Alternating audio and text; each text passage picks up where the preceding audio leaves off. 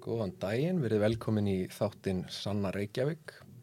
Uh, í dag erum við svolítið að kafa inn í sagfræðina. Ég hérna í, í vinnunum daginn þá varum við að grúska, grúska hérna í einhverju máli og ég endaði inn á síðan í tímaritt.is og hérna rakst á greinum um kostninganiðstöður í sveitastunarkostningum 1946 og, og þar komst ég að því að hérna þá voru e, borgarfulltrúar sósélista fjórir í Reykjavík og, og þeir voru líka með fulltrúi sveitafélagum um allt land. Þannig að mér fannst það mjög áhugavert og ákvaða að, að koma mér í samband við hann Sigur Pétursson sagfræðing til þess að ræða þetta bara betur. Hvað, hérna, hvað olli og bara hvernig, hvernig fóru sósélist ræði að vera svona sterkir á þeim tíma?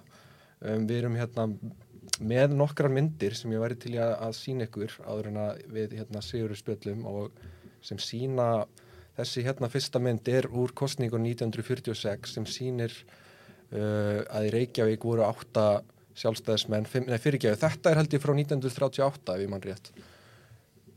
Um, og í Nesköpstað voru tveir sjálfstæðismenn, fimm sósialistar og eitt framsvonarmæður og þið sjáu það til sveitafélagin hérna, meiris í Vestmannum sem að uh, er í dag mikið, mikið íhald sveitafélag, þar voru þrýr kommunistar.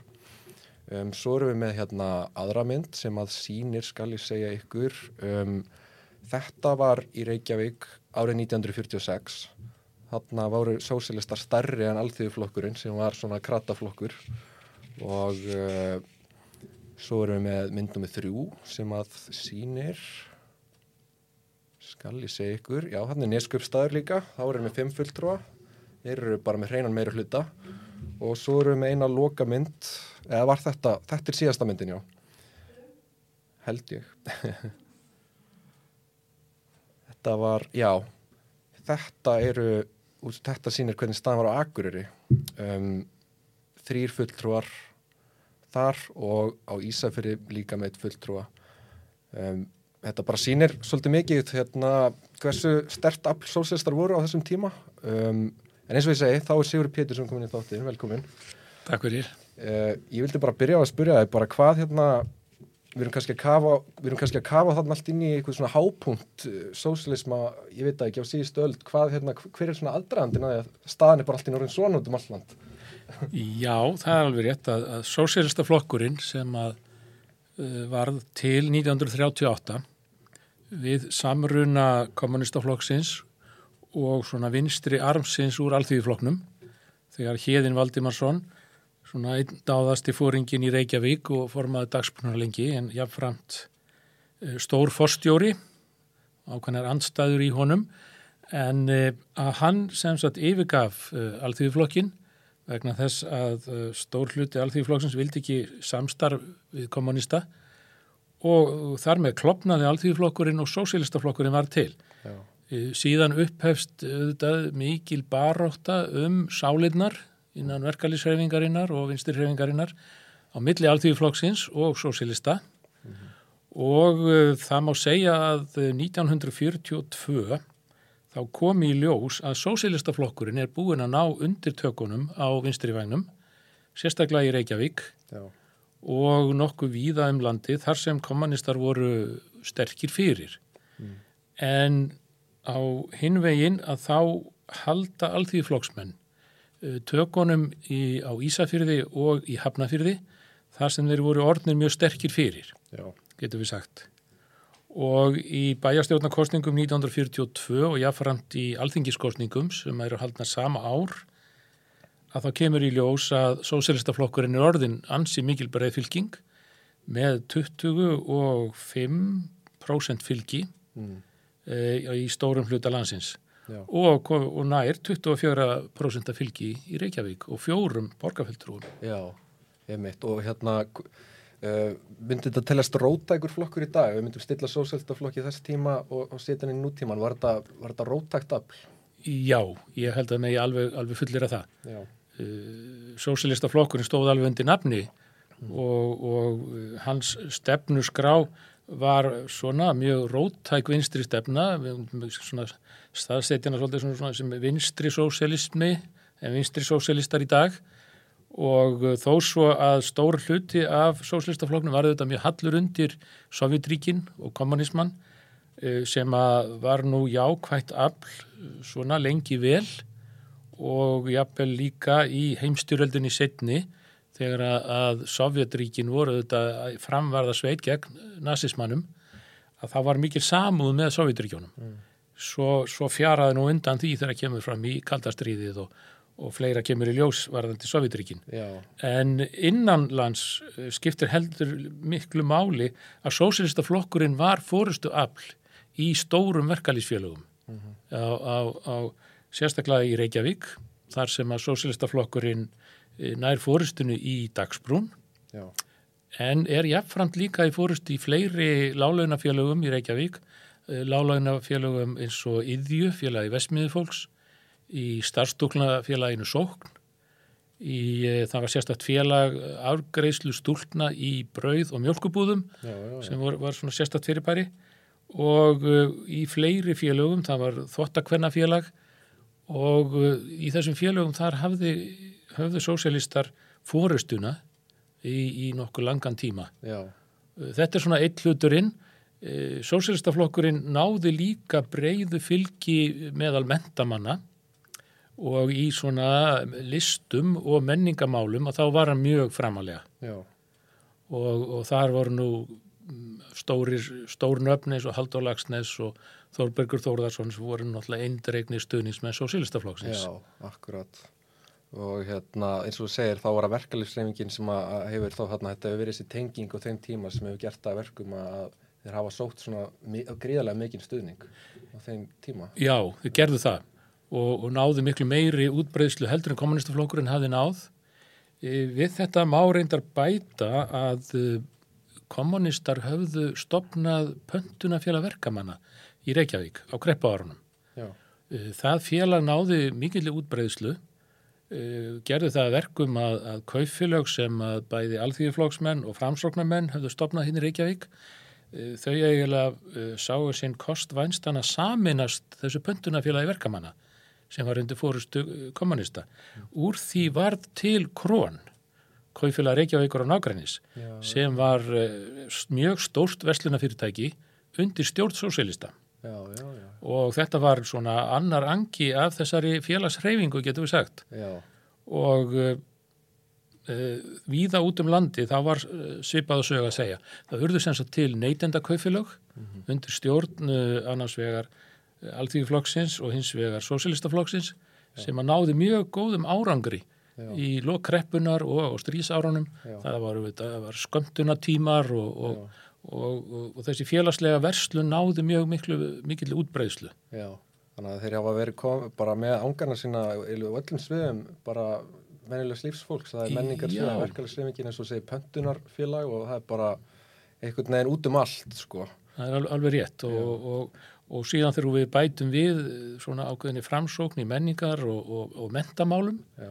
að, að þá var sósélstaflokkurinn búin að ná mjög sterkri stöðu í þjóðfélaginu eins og þú segir sko 42-46 þannig að er kannski hámarki 46 mm -hmm. að þá eru þeir með mjög sterkast stöðu víðast hvar í kaustuðu landsins Já. með 25 til 28% fylgi Já. á landsvísu getur við sagt í kaustuðunum og uh, þetta fylgi, já þetta er svona verður svona ákveð, ákveði hámark en, en þá er líka komin enn eitt þátturinn mm. sem er sá að sósélistaflokkurinn tók þátt í nýsköpunarstjórninni. Mm -hmm, mm -hmm. Nýsköpunarstjórnin var, var stofnud í lokstríðsins til þess að eh, ráðstafa stríðsgróðanum í raun og veru og þar náðu höndum saman eh, ólíklegi samstarfsmenn, það var að segja Einar Olgersson sem var fóristum aðeins sósélista og svo aftur Ólafur Tórs fóristum aðeins sjálfstæðarflokksins og svo kiftu þeir alltíðiflokknum með og nýsköpunarstjórnin 44 til 47 að hún stóð að mikil uppbyggingu í atvinnumálunum mm. og líka reyndar að setja á nýja almannatryggingalagjöf og þetta tvent var þetta styrti stöðu sósélista sem svona ábyrst afl í samfélaginu. E, þeir gætu stjórnað, þeir huguðu að atvinnumálum, mm -hmm. þeir huguðu að mentamálum og menningamálum Já. og þeir huguðu að velferð almennings. Já. Þannig að það er náðu svona mjög breyðri sín, getur við sagt, Já. og breyðum stöðningi. Já, einmitt. Talar um landsmálin en hérna, hvernig var þetta eins og í öðrum sveitafélum við bökkum aðeins aftur í tíma? Það var á Ísafyrði, þá voru þeir með, með Já, það má segja að, að, að fyrsti sósialíski meirulhutin hafi orðið til á Ísafyrði Já. 1921 og það var undir merkjum alltíðiflokksins sem var þá eini verkalýsflokkurinn og ná tengdur verkalýsfélagunum en þar komi fleiri þættir inn þetta var, var þannig að það sameinuðust í raun og veru verkalýsreifingin, bindindisreifingin og yðnaðmennir í, í bænum á Ísafyrði og náðu þarna meiri hluta og þessi meiri hluti helst í 21 ár. Já, og uh, sama gerði svo skömmu síðar í Hafnarfyrði að þá náði alltíðflokkur í meiri hluta með sömu atkvæðum í raun og veru. Mm -hmm. Uh, 1926 og heldu þeim meiri hluta líka í 25 ár. Já. Uh, þessir meiri hlutar báðir, þeir uh, breyttu mjög miklu, þetta voru róttækir meiri hlutar, þeir breyttu mjög miklu í atvinnumálunum vegna þess að fyrir vestan þá var það nú þannig að, að, að auðvaldið í raun og veru reyndi að kæfa bæin með því að selja í burtu öll fiskveiðiskipin mm. Og það var bröðist við því með því að stopna samfunnu útgerð, fyrstu samfunnu útgerðin á landinu, Já. þar sem að bærin og, og, og jafnaðamenn stóði fyrir því að kaupa sjö nýja vélbáta, fullkonustu gerð sem þá þótti og, og bjarga þannig atvinnulífin í bænum. Já, já, já. Og í Hafnafyrði gerist það svolítið svipað að það er að segja að þegar að kemur fram í kreppuna 1930 þá uh, gefst tókara útgerðin í Hafnafyrði upp. Það var að hluta til útlensk útgerð og svo ein, einnig innlend útgerð e, og þegar að kapitalismin gefst upp og þá urðu þeir að grípa til einhverja ráða og þá stopnuðu þeir fyrstu bæjarútgerðina. Já, Það var í Hafnafyrði og, og settu bara allt sitt í það að kaupa tókara og halda upp í atvinnulífinu. Já. Þannig að, að það varð svona merki þessa rauðu meiri hluta já. að halda upp í atvinninni með félagslegum úrræðum. Já, og hvernig virkuðu svona samvinnu útgerir? Hvað er, það eigu starfsfólksins? Já, það voru það til að byrja með. Í, síðan lend, lendu nú þessar útgerðir svolítið í erfileikum, samvinnu útgerðirna sérstaklega e, í kreppunni þegar að saltfiskverðið fór nýður úr allu. Eh, Þá var þeim breytt svona í almenn samvinnufélag, svona eins og kaufélögin, Já. að félagsmenn gáttu bara átt aðild, en aðalatriði var kannski svona svolítið eins og með kaufélögin að arðurinn af starfseminni hann varð eftir í heimahjeraði og þá sérstaklega tryggja líka atvinni afkomu starfsfólksins, sjómanna og verkafólks. já, einmitt. Og hérna, það eru kannski einhverjir hérna sem kannast við uh, Neskjöpstað, hann var hann ekki kallað Litla Moskva? Jú, Já. uh, Neskustæði tekur við Já, og þar eru það sósælistar sem að fyrst eh, reyndar í kringu 1940 eða 38 að þá er það alþjóðflokksmenn og kommunistar sem ná meira hluta saman. Eh, 42 ná þeir svo aftur meira hluta saman. En síðan eru það sósælistatin sem taka við og halda meira hluta þar í 50 ár. Já, og þannig að, að, að Neskustæði verður hinn eh, sanni, eini sanni rauði bær á því tímabilið getur við sagt Já. eftir 1950 Já, og þar er óskup sipa, þar e, e, eru félagsreifingarnar sem, sem að þeir ráða, verkalýsreifingin og, og, og víðar og síðan taka þeir yfir atvinnulífið. Já. Það er samvinnu útgerð e, í, í Neskustad og svo er það bæjar útgerð þegar tógar, nýsköpuna tógararnir koma. Það er að, að grundvöldurinn er að halda upp í atvinninni og þeir sanna sig sem bæði rekstrar menn og félagslegir fórustumenn, þeir sem eru þarna og, og halda trausti íbúana til þess að vera kostnir aftur og aftur. já. Og þú segir 50 ár, eitthvað hljóta er þá að hafa verið að gera rétt í allan að það getur ekki hann að verið, sko. Nei, akkurat. en hérna, svo erum við að koma svolítið inn á Reykjavík. Um, þar, eins og við síndum á, þá voru þeir með fjóra fulltrúa þegar best á lét. Hvað hérna, þeir náttúrulega komist aldrei til valda, en hvað, hvað var það svona sem að sósialistar voru að berjast fyrir Reykjavík á þessum tíma í bæjarpólitík? Já, það eru nefnilega svipar áherslur og í þessum bæjarfjölugum sem ég nefndi. Mm. Það er reyndar eh, svolítið merkilegt, það er síkilt baráttumál sem kemur alltaf upp aftur og það eru húsnæðismálin. Já, Að enga framtækið sinni ekki húsnæðismálunum. Reykjavík eru þetta að þennjast út alla 20. öldina. það er mikið aðstreymi fólks til bæjarins og alltaf húsnæðiskortur já, og þrátt fyrir það að verkamannabústæðnir hafi komist af stað upp á 1930 og verið mjög myndalegt átak á sínum tíma þá var það ekki nóg og alls ekki eins útbreytt eins og hefði átt að vera. Nei. Ef að til dæmis sósialistar og jafnaðamenn hefðu nú náð tökum í Reykjavík þá hefðu nú vantanlega gert miklu meira í félagslegu húsnæðismálum já, og myndin væri þá svolítið breytt, kannski svolítið svipað eins og í Danmörku eða Svíþjóð, já, en það varði ekki. Nei, og þetta var sífelt verið að hamra á þessu. Já, að það þyrti félagslegt hérna, húsnæði já, og það þyrfti að gera átak í þeim málum. Og uh, í minnir það hafi verið 1950 eða upp úr 50 að þá var einmitt sérstætt átak uh, hjá bæði alþýgjufloknum og sósilistafloknum að Reykjavíkuborg ætti að útrýma heilsusbyllandi húsnæði. Mm. Og fátækra húsnæði sem var þá við líði í borginni. já, braggarnir og svo leis. Já, það voru braggarnir, það var höfðaborgin, uh, s- uh, Póllin sem var þar á undan, uh, þetta voru, voru, voru, var húsnæði sem var, var ónýtt í raun og veru Já. og eiginlega ekki mannabústæðir. Uh, það er kring í góðarinu um 1960 þar sem að loksins þetta húsnæði hverfur Mm. En fram að því þá var þetta eiginlega ljótur blettur á íhaldsmeiri hlutanum í Reykjavík. Já, og hérna, þú sér, sér eitthvað líkindi með tímanum þá og í dag? Það er nefnilega svolítið merkilegt að, að, að, að, þetta skuli bara ennþá vera viðfangsefni í nútímanum, húsnæðismálin. Já, og, og þessi erfileikar hjá láluna fólki að koma sér upp húsnæði.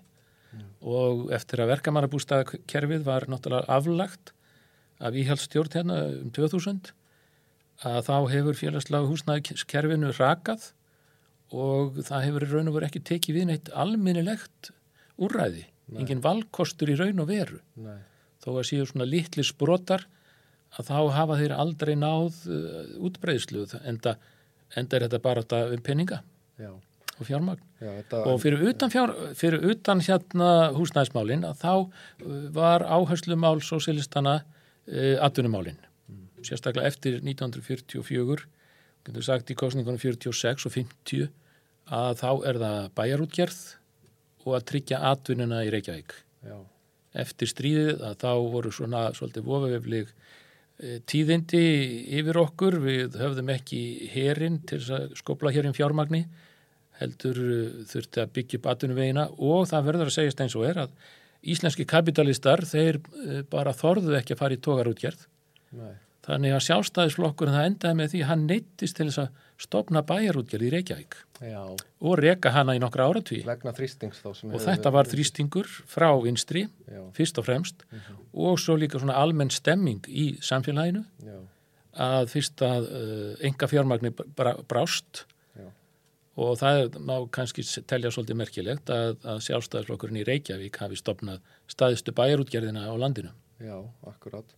Þannig að, einmitt, þetta, þetta rýmar svolítið við tíman sem við lifum á í dag. Við erum náttúrulega bara með fjölda fólk sem að býr í, í, í hérna, atvinnuhúsnaði. Og, og það er máilega færi raukverið að þetta séu svolítið kannski brakka hverju okkar tíma og hérna, um, en, en staðan er kannski öðruvis í pólitíkinni. Sósialistar eru ekki með full út um allt land, það eru tveiri í Reykjavík vissulega, en, en svona, það velti því fyrir sér hvað þarf til þess að ná þessum sama styrk og náðist á þeim tíma er, er þú veist, það er kannski bara að byggja upp sterkari tengslu verkefliðsrenguna eða hvað, hvað heldur að svona Já, það er náttúrulega eitt líkillinn að árangri er öruglega að, að, að sósialistar sanni sig sem fulltrúar, verðugir fulltrúar í félagasamtökum og uh, það er, það er áræðanlega eitt, eitt hluturinn. já, Uh, það er, þjóðfélagið er orðið uh, svolítið fjölbreyttara heldur en það var verkalýsfélagin skipta kannski ekki eins miklu máli, þau skipta verulegu máli að sjálfsögðu en þá, en þann dag í dag. En það eru fleiri samtöks uh, og, og svona almanna heilla samtök sem skipta líka máli. Og þarna skiptir þetta máli hverjir, hverjir er í forsvari, hvaða áherslur eru. Mm. Þar fyrir utan er þetta alltaf líka spurningin um, uh, það er menningabaróttan, spurningin um hugmyndafræðina og uh, sósjálistar hafa nú verið má segja að vinna sig áfram finnst mér í okkar samfélagi núna mm. tveir borgarfulltrúar mm -hmm. það er nú ekki, ekki lítill árangur mm -hmm. margir flokkar sem hafa búið fram í Reykjavík hafa stundum slefað inn einum borgarfulltrúa en, en, en sjaldan á tveimur Nei, það er kannski á okkur um byrjunarpunkti. Ég held að það, það, það er greina ímyndilegt á upplið Já, akkurat. En við erum kannski búin að ræða svolítið svona hápunktin og hver, hver er stefnur úr þessum tíma. en, en hérna, einhvern sem að fyrir að hallöldum fæti við erum ekki með ja, ég segi við að því ég er sósilisti en sósilistar er ekki með alltaf þess að fulltrúa um allt land lengur. hvað, hvað gerðist og hvenar fór það að gerast að þetta fór svona hnigna undan? Já, það, það má segja að þegar að kaldastriði harnar Já. Og eftir 1950 eh, þá verður svona ákveðin stöðnun í fylgi sósélistaflokksins og dregur úr, honum, hann, hann festist í kringum 20% í Reykjavík, hann er innan við það kannski á landsvísu Já. og þar kemur til að ég tel eh, þessi mikla þjóngun sósélistaflokksins eða þeirra sem réðu þar við Sovjetríkin. Mm. Eh, Gaggríni á Sovjetríkin voru bara ekki leiðð og sérstaklega 56 við innræðsina í, í Ungverjaland þegar að svona kannski mannlegri sósélismi var kæfiður að eh, þá fer að fjara svolítið undan og það kemur reyndar fram nýr flokkur sem he, he, voru, voru hérna þjóð, hvað hétt hann aftur? Þjóðvarnaflokkurinn já, já, já, sem kemur og býður fram 53 mm. og 56 og nær miklum árangri 53 já.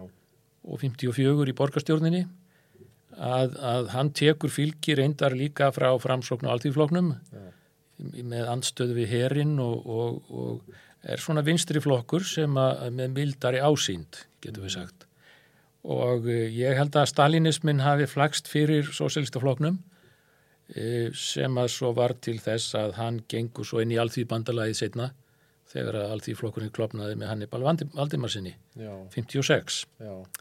en alþýðbandalagið nær samt aldrei e, jú, reyndar það kemur að ég að alþýðbandalagið nær svipum árangur og sosialistar höfðu náða áður Já, einmitt, þannig að þetta svolítið bara kona nefur einfallega út af fórherðingu í, í uttaríkisafstuðu þá í rauninni? Já, ég held það að það séu landsmáli sem skipta, skipta mestu máli sko. Sósélstarni heldur áfram sinni sterkur stöðu í alltíðsambandinu og, og í dagsbrún og, og mörgum fleiri verkefnisfélagum heldur þeirri stöðu og þeim var treyst fyrir því og, og verkvöldin 52 og 55 sönnuðu það að sósélistar voru verðuðir fulltrúar í verkefnisfélagunni og höfðu fórustu í þeim málum. En, en svona á landsvísu þá var það svona helst og fremst uh, kuldin í kaldastriðinu kannski sem að, sem að allir því að fylgi sósélista stanaði Já, einmitt. Um, Mér fannst mjög áhugavert að sjá að það voru þrýr kommunistar í Vestmannum hérna, Ve veistu eitthvað hvað var í gangi í Vestmannum þessum tíma? Já, það var þannig að, að, að í Vestmannum og reyndar á Akureyri þá náðu kommunistar fóristunni af alþýrfloknum í verkefælisfélagunum mm. Og uh, þar var það bæði sagt, verkefælisfélagin og svo líka stóður sér vel með, með sitt bandunafélag eða kaufélag og, og náðu einfallega að, að, að fylgja saman verkefælisfylginu undir sinn vang og, og náði fóristunni af alþýrfloknum og það er sérstaklega ábyrjandi ymitt á, á nokkrum stöðum á landsbyðinni það er Eh, Vestmanæjar, Akureyri, Siglufjörður að hluta og Eskifjörður og segna bætist og neskustæði við já, já, þar sem að, að sosialistar, eða fyrst kommunistar og svo sosialistar ná fóristunni í, í svona á vinstri vegna Já, akkurát um, Heldur að séu sko eitthvað sóknar fyrir dag bara ef maður svona rínir aftur í söguna er eitthvað svona sóknarfæri í dag fyrir sósílista til að sækja ennfrekar fram í öðrum sveitafélagum, er eitthvað svona önnur sveitafélag en önnur sem að væru sko byrjulisvallina sósílista sækta fram í eða bara eitthvað með að frekar að dreifa sér bara út um allt land og láta reyna Já, ég gæti nú trú að, að, að sósílistra eigi nú sóknarfæri uh, víða um landið uh, sérstaklega er það er kannski sóknarfærin í Reykjavík en En við getum satt talað um uh, kaufstaði, víða um landið, hafnafjörður. Uh, ég veit ekki með, með svona nýri staði sem eru stækkandi eins og Selfoss og Akranes og, eða, og Akureyri. Uh, spurningin er um hljómgrunnin. Ég held samt uh, sósilistar hafa náð undirtökum svolítið í- og ákveðnum ítökum í, verk, í verkalýssegingunni hér í Reykjavík. E, baráttanu í húsnæðismálunum. E, þetta gæti nú alveg átt við víða um land. Já, þannig að, að svo er spurningin um, um menninguna, mentamálin og atvinnumálin en, en, en það eru kannski setni tíma spurningar. Já, einmitt. Þetta er uh, mjög áhugavert en hérna bara svona, kannski áður með ljúkum sem ég langaði bara að kafa ennþá aftar í söguna sko. um, hvena var það bara nákvæmlega fyrst sem að sósilistar sem sagt, var það á Ísafirði sem að þeir fengu menn fyrst inn í, í hérna, bæjarfulltrú eða hvernig?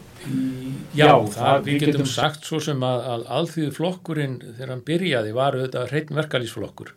var bara verk, eh, sko, armur af verkalýssegingunni Já.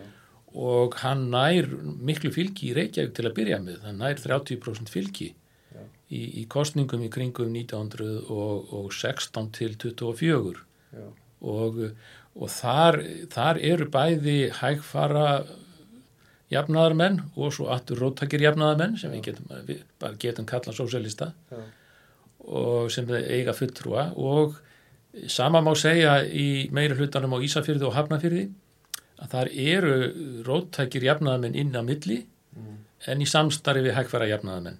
Já, og, og uh, við getum til dæmis talað um Vilmund landlækni eh, sem var læknir á Ísafyrði og fórustumæður, Finnur Jónsson já, sem kom frá Akureyri til Ísafjörðar og verður fórustumæður í verkefælisreifingunni þar og þeir eru fórustumenn fyrir því að stopna samvinnu útgerðina og breyta eiginlega Ísafyrði í jafnaðamanna bæ já, með auðvitað fjölda mörgum öðrum. já, þannig að þessi fæðing hún er eða sér starf hvað ársæður. Þetta er svona 20, kringum, kringum 1920. Já, eftir fyrir heimstýröldina Já. að þá eiga þessi rótæku sjónamið mjög greiðan aðganga að stórum hluta fólks auðvitað eh, byltingin í Rúslandi nýskeið það eru rótækar byltingar víðar sem er hverna nýðurindar en heimurinn er svolítið að breytast eftir 1918 já. Og svo erum við þarna 26 árum síðar og þá er komnir einhvern veginn út um allt land.